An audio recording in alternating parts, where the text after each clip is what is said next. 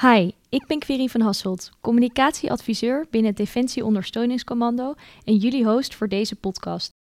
De komende periode word je op verschillende manieren geïnformeerd over de initiatieven op het gebied van innovatie. Volg intranet en onze socials om het laatste nieuws te volgen. Wil je meer weten of heb je een idee voor een onderwerp van een volgende podcast? Laat het ons weten via het e-mailadres ontwikkelfonds.dosco.mindef.nl. Voor deze aflevering interview ik Bonnie Drost. Ze runt de Dosco Denktank. In deze podcast hoor je de ervaringen vanuit de Dosco Denktank. Hi Bonnie, wil je jezelf even voorstellen?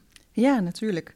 Ja, ik ben uh, Bonnie, Bonnie Drost. Ik uh, ben werkzaam bij de staf DOSCO, bij vraag- en aanbodmanagement. Uh, daar heb ik eigenlijk een leidinggevende functie. Maar sinds inderdaad een aantal, nou bijna nu anderhalf jaar, ja, run ik ook de denktank van DOSCO. Ja, wat mooi.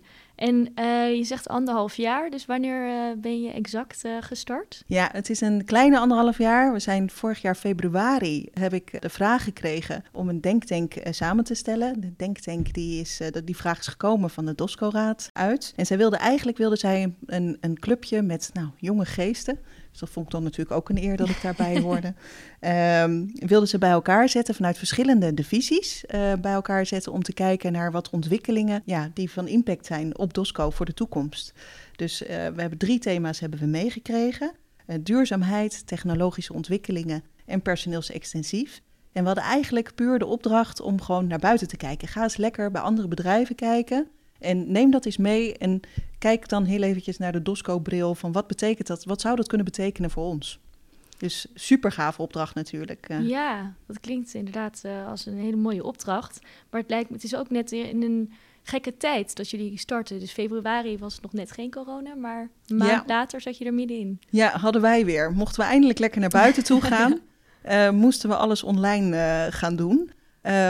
Maar grappig genoeg paste dat ook alweer heel erg bij de tijdgeest van de toekomst. Dus in die zin, uh, ja, we hebben eigenlijk allemaal virtuele uh, bezoeken gedaan aan bedrijven. We zijn begonnen bij de politie, bij het Rijk, bij Shell hebben we gesproken met mensen. We hebben met Leaseplan hebben we gesproken met allemaal mensen. Dat hebben we allemaal digitaal gedaan. Er is geen enkel uh, fysiek werkbezoek uh, uh, aan te pas gekomen. Dat, dat hebben we nog wel allemaal te goed. Ja, ja maar vanuit die hoedanigheid hebben we eigenlijk wel heel veel ervaringen toch mee kunnen nemen. Dus het is gewoon heel leuk om te zien uh, wat er allemaal gebeurt op de markt. En dan zie je eigenlijk ook dat er zoveel ontwikkelingen zijn die ons of nu al geraakt hebben met de crisis. Is natuurlijk eigenlijk alles in versnelling gekomen. Vooral op het gebied van het anders werken bijvoorbeeld. Ja. En ja, het is echt interessant om te zien. En je, je gaat zelf ook anders kijken naar de dingen. Je ziet dat, het, dat ze bij andere bedrijven uh, toch een andere kijk hebben op de dingen. Ja, en heb je ook al wat van die kennis uh, hier meegebracht binnen Tosco? Of wat veranderingen aangebracht? Of ja, ja, we hebben dan een uh, zogenaamde klankbordgroep die bestaat uit een aantal DOSCO-raadleden. En daar één keer in de twee, drie maanden praten we daarbij. En die proberen we dan eigenlijk ook een beetje te inspireren. Dus een van de eerste keren hebben we ook een, uh, een filmpje opgenomen hoe wij de toekomst zien. Ja, heel erg geestig, heel erg leuk. Uh, we zaten bijvoorbeeld in deelvervoer, deelauto's, want dat is ook een beetje de toekomst. We hebben niet meer eigen auto's, maar we gaan veel meer sharen met elkaar. Ook gelet op het feit dat we ja, fossiele brandstoftekort zo meteen gaan hebben. Grappig genoeg hebben we toen ook eigenlijk al geïntroduceerd de flexibele werkplek. Dus ja. dat je gewoon veel meer uh, elkaar gaat opzoeken in flexibele gebouwen. Dus echt in hubs en in andere aspecten.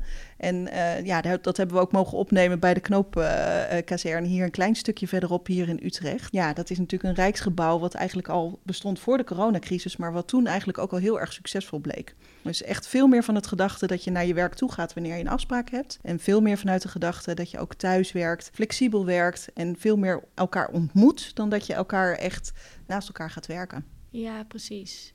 Ja. En, en zijn er, waren er ook al veel bedrijven die, denken jullie er een beetje hetzelfde over? Of hebben, zijn, lopen veel bedrijven ook heel erg voor op ons?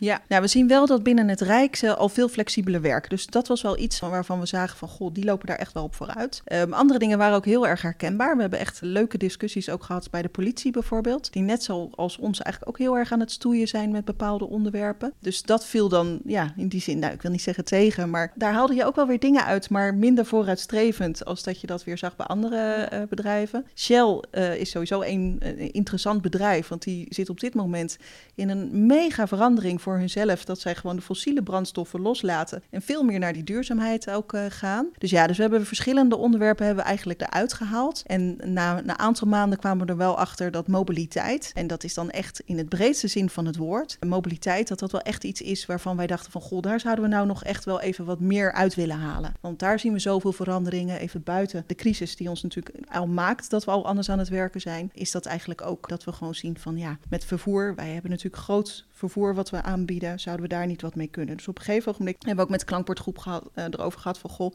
zouden we niet gewoon wat meer uh, kunnen testen, gewoon wat kun meer kunnen uitproberen. En kan dat? Jazeker, ja. ja we, zijn, uh, we hebben verschillende ideeën hebben we eigenlijk gepitcht, hetzelfde als het ontwikkelfonds, dus dat doen wij net zo goed op dezelfde manier. En um, een van de pitches die we nu echt aan het verder voorbereiden zijn om te gaan doen, is het vergroten van het aanbod van vervoer. Dus samen met, het, ja, met de DVVO uh, zijn we aan het kijken of we in plaats van Penot-voertuigen niet andere duurzame voertuigen kunnen inzetten. Dus, en we hebben drie locaties hebben we gekozen waarbij we daadwerkelijk dat willen gaan toetsen. Dus, en dan moet je een beetje denken aan, uh, nou, één auto staat gelijk aan uh, bijvoorbeeld zeven elektrische scooters. Oh, ja. Dus zouden we dat niet veel meer beter kunnen doen. Dus dat, uh, dat gaan we zeker doen. Dus ik hoop eigenlijk dat we binnen een aantal maanden ja, echt iets fysieks tastbaars uh, hebben staan vanuit de Denktank. Namelijk uh, scooters, fietsen, andere mooie duurzame voertuigen. Ja, wat mooi. Dus het is een denktank, maar uiteindelijk worden er pilots gestart binnen de Defensie. En dan wordt het ook hopelijk tot uitvoering gebracht. Ja, ja, de denktank bestaat echt uit mensen die gewoon primair ook een werk hebben binnen DOSCO. Maar die een paar uur per week ook lekker vrij kunnen denken. En vanuit die hoedanigheid ja, zijn we nu zover als dat we nu zijn. Dus echt met pilots. Leuk. Ja, wat mooi. En, en wat zijn dan nu in jouw ogen de grootste uitdagingen op het gebied van innovatie? Ja, dat is een, uh, wel een hele brede vraag, inderdaad. Ja, ik denk dat er vooral heel veel kansen voor ons liggen. Heel veel kansen voor ons liggen als ondersteuner om ook gewoon te kijken naar uh, de andere dingen. En ik bedenk me dan heel erg van ja, de klantvraag die wij nu vaak krijgen van de klant, dat is niet de klantvraag van de toekomst. Dus ik denk dat we daarin gewoon heel erg goed mee moeten bewegen, goed om ons heen moeten blijven kijken. En dat we dat vooral ons ook beseffen, maar ook wat meer lef hebben, wat meer durf hebben om zelf ook misschien wat vooruitstrevender te zijn en dingen gewoon te proberen. Ja. En kijken met de gebruikers, zoiets als die scooters. Ik heb vanmorgen een overleg gehad in Den Helder. Super gaaf. Die zijn hartstikke enthousiast, willen ook graag meedoen, zien er ook het belang van. En dan is het maar iets heel kleins als scooters. Ja. Uh, maar zij zijn er ook echt mee geholpen. Nou, dat moet nog blijken uiteindelijk of we dat misschien nog wat breder dan alleen Den Helder kunnen doen. Uh, maar ja, dat geeft ook gewoon energie en het is ook leuk omdat je dan nog dichter bij de gebruikers komt uh, te staan. Dus ik denk dat we vooral heel veel kansen hebben op het gebied van innovatie om ook te kijken naar onze eigen producten en diensten die we aanbieden. Ja, nou, dat is uh, mooi dat jullie ook de gebruikers er echt bij willen betrekken. En hoe leggen we dan de link met de onderdelen van de krijgsmacht die we ondersteunen? Een van de eerste dingen die we tegenkwamen is dat vooral de strategieclubjes binnen de defensieonderdelen, dat die eigenlijk heel belangrijk voor ons zijn. Dus niet alleen de innovatieclubjes, maar ook wat is hun visie? Waar willen zij naartoe de komende jaren? Als ondersteuner zijn we toch volgend aan hun. Maar het is best wel interessant om te zien als de klas bijvoorbeeld zegt van ik ga maar 50% mensen opleiden en 50% virtueel doen. Dan is dat natuurlijk een heel interessant vraagstuk voor ons als DOSCO. Ja. En daar kunnen we ook denk ik echt wel wat mee. Ja, oké. Okay, dus er zit nog lang geen einde aan de denktank. En nou, dat valt een beetje te bezien aan onze opdrachtgevers. Maar uh, het heeft in ieder geval al opgebracht dat er een, uh, een aantal mensen zijn binnen DOSCO die uh, ook geïnspireerd zijn geraakt door even naar buiten te kijken en op een andere manier naar de vraagstukken te kijken.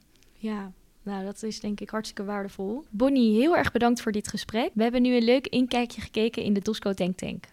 Ja, dankjewel. Ontzettend uh, bedankt voor de uitnodiging. Ja, en mochten er nog luisteraars zijn die uh, wat meer informatie willen hebben, ze kunnen me altijd heel eventjes mailen. Goed, dankjewel. En zoals jullie nu hebben kunnen horen, is er ruimte om goede ideeën uh, uit te werken en te pitchen. En binnenkort start er een traject en komen er collega's langs om samen te bekijken waar er verbeteringen mogelijk zijn binnen jullie bedrijf. Heb je nu al een goed idee waardoor onze ondersteuning beter wordt? Meld je dan alvast bij het DOSCO Ontwikkelfonds via het e-mailadres ontwikkelfonds.dosco.mindef.nl. De komende periode nemen we meer van dit soort podcasts op. Heb je een goed idee voor een onderwerp of wil je een inspirerend verhaal delen op het gebied van innovatie? Neem dan contact met ons op. Bedankt voor het luisteren en tot de volgende podcast. Wil je eerdere podcasts uit deze serie beluisteren? Zoek dan op Dosco Innovatie in je favoriete podcast-app.